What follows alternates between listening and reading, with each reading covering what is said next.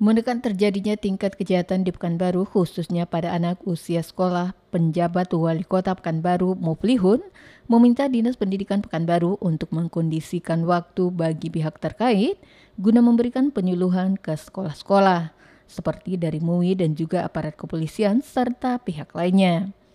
Disampaikan Muflihun diharapkan dengan adanya ruang komunikasi dari pihak berwenang bisa membuat pelajar di Pekanbaru paham dengan apa yang akan mereka lakukan di luar sekolah.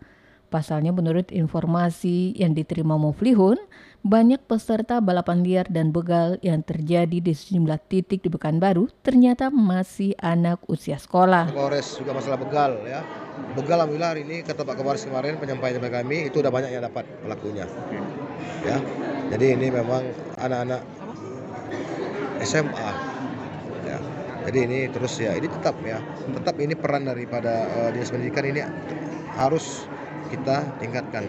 Minimal memberi ruang waktu nantinya di sekolah untuk mengasih mungkin pandangan dari Kapolres mungkin dari dari uh, MUI. Itu kita akan coba bicarakan nanti dinas pendidikan supaya tingkat kejahatan mungkin di Bambar ini bisa terus menurun. Selain masalah kejahatan, penjabat wali kota juga meminta dinas pendidikan untuk bekerja sama dengan pihak terkait perihal penyuluhan tentang pencegahan penyimpangan seksual sejak dini. Apalagi di Kota Pekanbaru disebut memiliki kasus LGBT tertinggi untuk wilayah Riau. Desi Suryani, Tim Liputan Barabas, melaporkan.